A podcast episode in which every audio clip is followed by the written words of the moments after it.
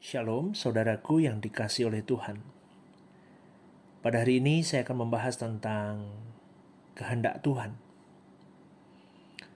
Kalau kita berbicara tentang kehendak Tuhan, pasti berkolerasi dengan yang namanya tentang iman.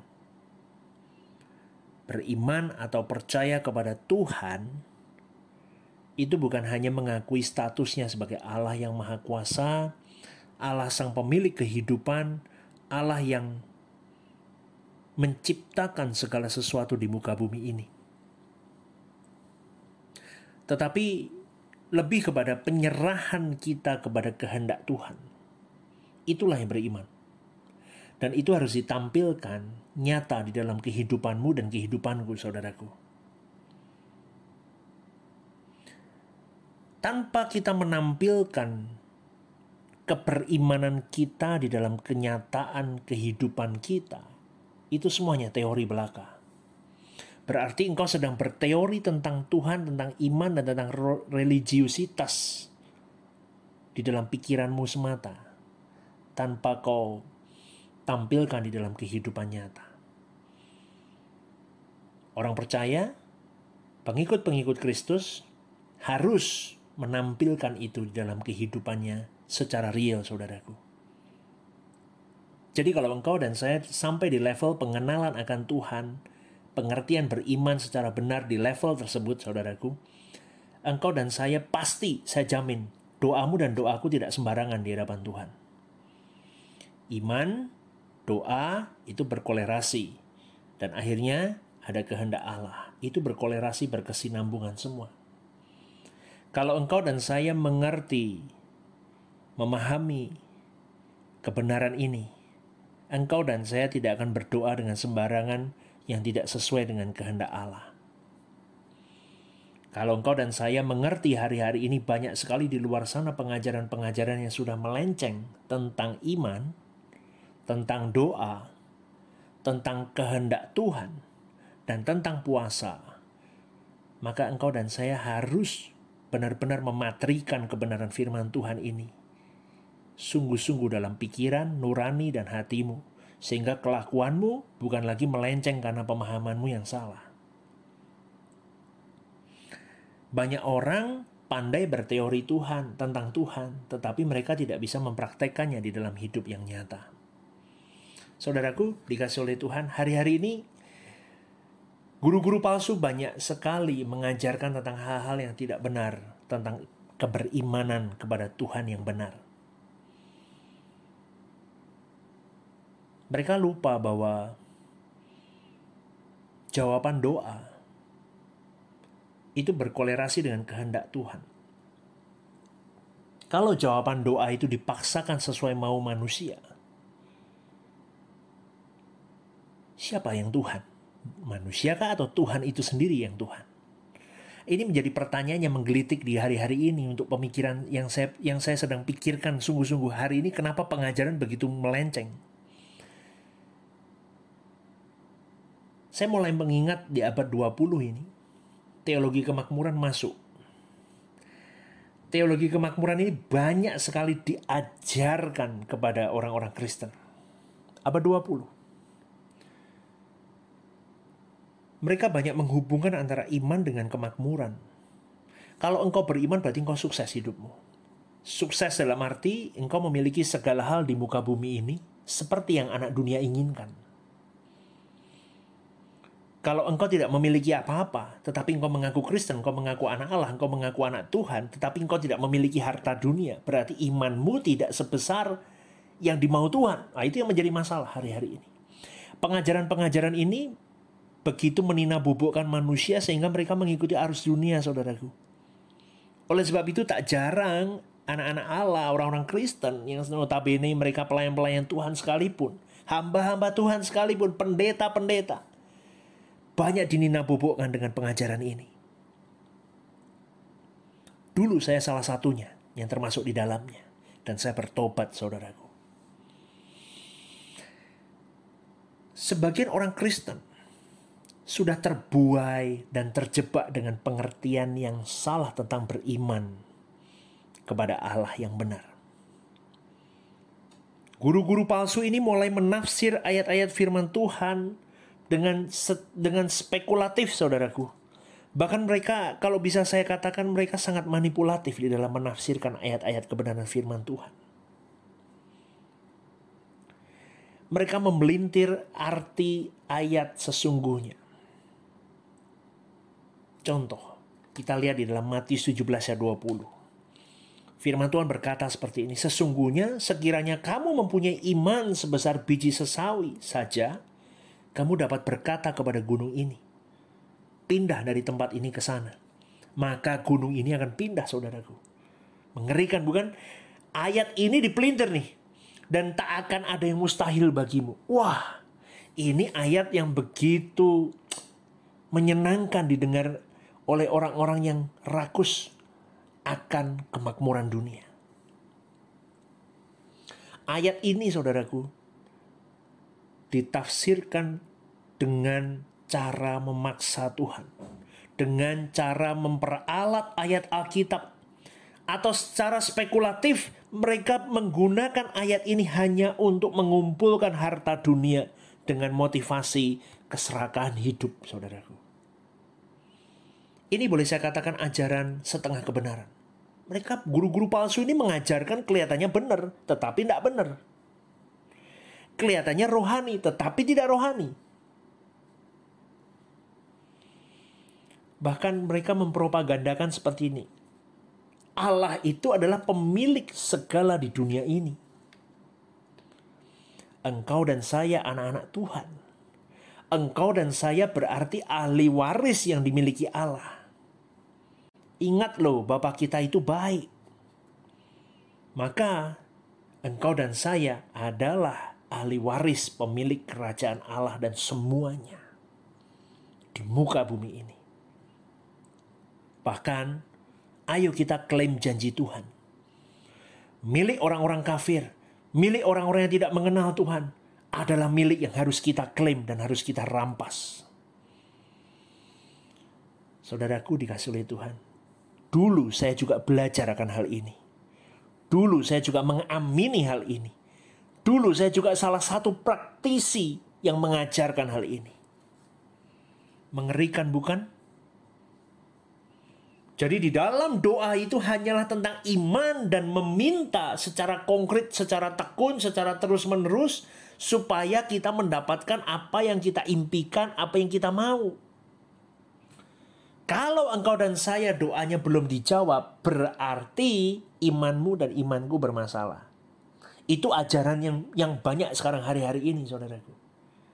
Bayangkan orang yang gila harta, orang yang yang rakus pasti senang dengan ayat ini. Pasti sekali. Dia pasti akan wow, ini yang namanya kebenaran menurut versi dia. Mengerikan sekali bukan? Jika boleh doanya mungkin dia akan katakan, Tuhan, kalau boleh, mobil Mercy orang kafir itu boleh masuk ke dalam ke garasiku. Aku klaim janjimu, karena aku anak Allah. Kan engkau menjanjikan bahwa aku berhak menjadi ahli waris semua harta milikmu. Sebab itu aku klaim semua harta milik orang kafir itu. Dikembalikan kepada anak-anakmu ini. Wah mengerikan. Ajaran-ajaran yang seperti ini saudaraku ini yang merusak kekristenan hari-hari ini. Doa yang dikatakan beriman tetapi isinya tentang kerakusan hidup. Isinya tentang ketamakan, isinya tentang intimidasi serta ancaman kepada Allah supaya mengikuti semua kemauan sang manusia yang tidak tahu diri ini. Saudaraku yang dikasih oleh Tuhan. Ayat firman biji sesawi ini Tuhan ucapkan untuk menegaskan kepada murid-muridnya agar mereka beriman dan percaya penuh kepada Tuhan di dalam doa. Percayalah bahwa Allah itu baik, percayalah bahwa Allah itu setia, percayalah bahwa Allah itu berhikmat, percayalah bahwa Allah itu berdaulat penuh di dalam hidupmu. Itu tujuan dari ayat itu. Hati-hati saudaraku, oleh sebab itu saya selalu mengingatkan ajaran-ajaran di mimbar-mimbar gereja haruslah kebenaran yang sejati. Tidak boleh setengah kebenaran. Yang penting menyenangkan telinga saya, Pak. Oh, tidak bisa. Injil yang murni, Injil yang menyakitkan, saudaraku. Injil yang murni, Injil yang akan merobek semua dosa sampai yang terdalam dalam hidupmu dan hidupku. Injil yang murni adalah Injil yang bermata dua. Menerobos dalam tulang susumu, daging-dagingmu semua terbongkar, tidak ada yang tersembunyi. Itu menyakitkan. Bukan Injil yang menyenangkan telingamu dan telingaku, tetapi merusak kerohanianmu. Saudaraku yang dikasih oleh Tuhan. Hati-hati supaya kita tidak diperalat, diintimidasi, dan dipaksa melakukan kemauan dan kehendak manusia. Engkau dan saya itu rentan sekali bisa melakukan apa yang kita mau. Ego kita itu manusia. Kelihatannya rohani tapi jahat.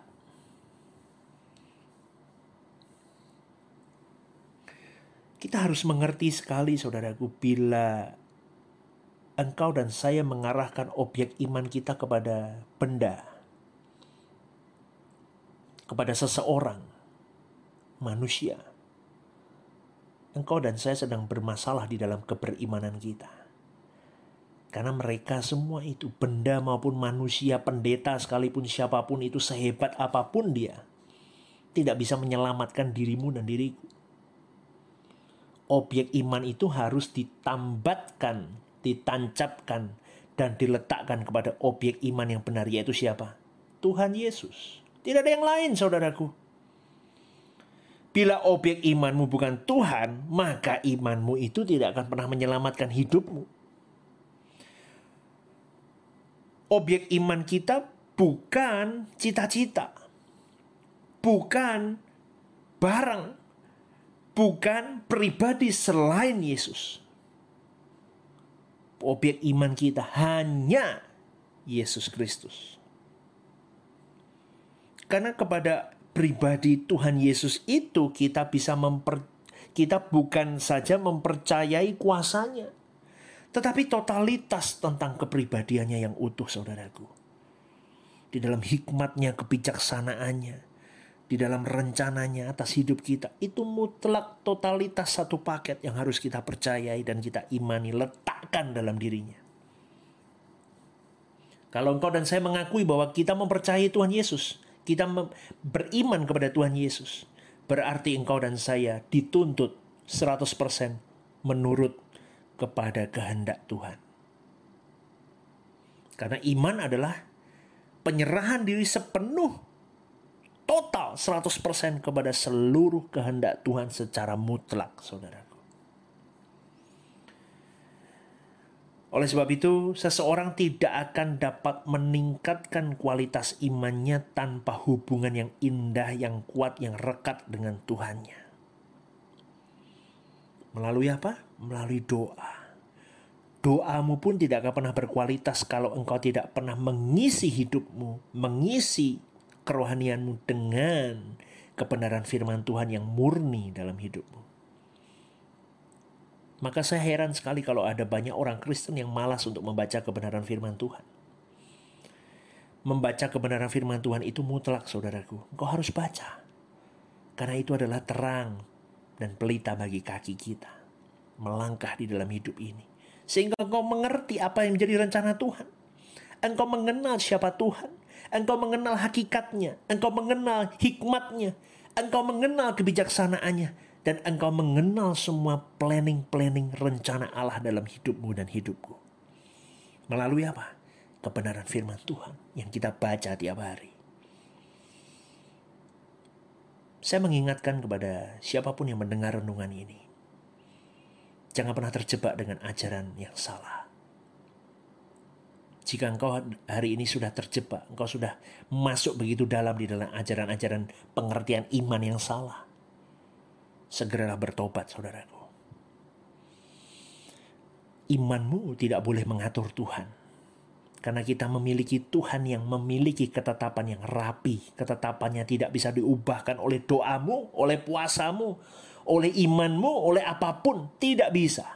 Karena kita memiliki Tuhan yang memiliki ketetapan yang solid, yang rapi, dan bukan Tuhan yang pelin-pelan yang kita yang kita sembah saudaraku. Tuhan yang seakan-akan bisa kita atur, yang kita bisa rubah ketetapannya. Ingat sekali lagi, iman adalah penurutan terhadap kehendak Allah. Jadi, seseorang yang beriman pasti hidupnya dalam pengaturan Tuhan. Banyak sekali orang yang berpikir bahwa positive thinking, berpikir secara positif itu sama dengan beriman. Salah, saudaraku. Iman itu bukanlah positive thinking.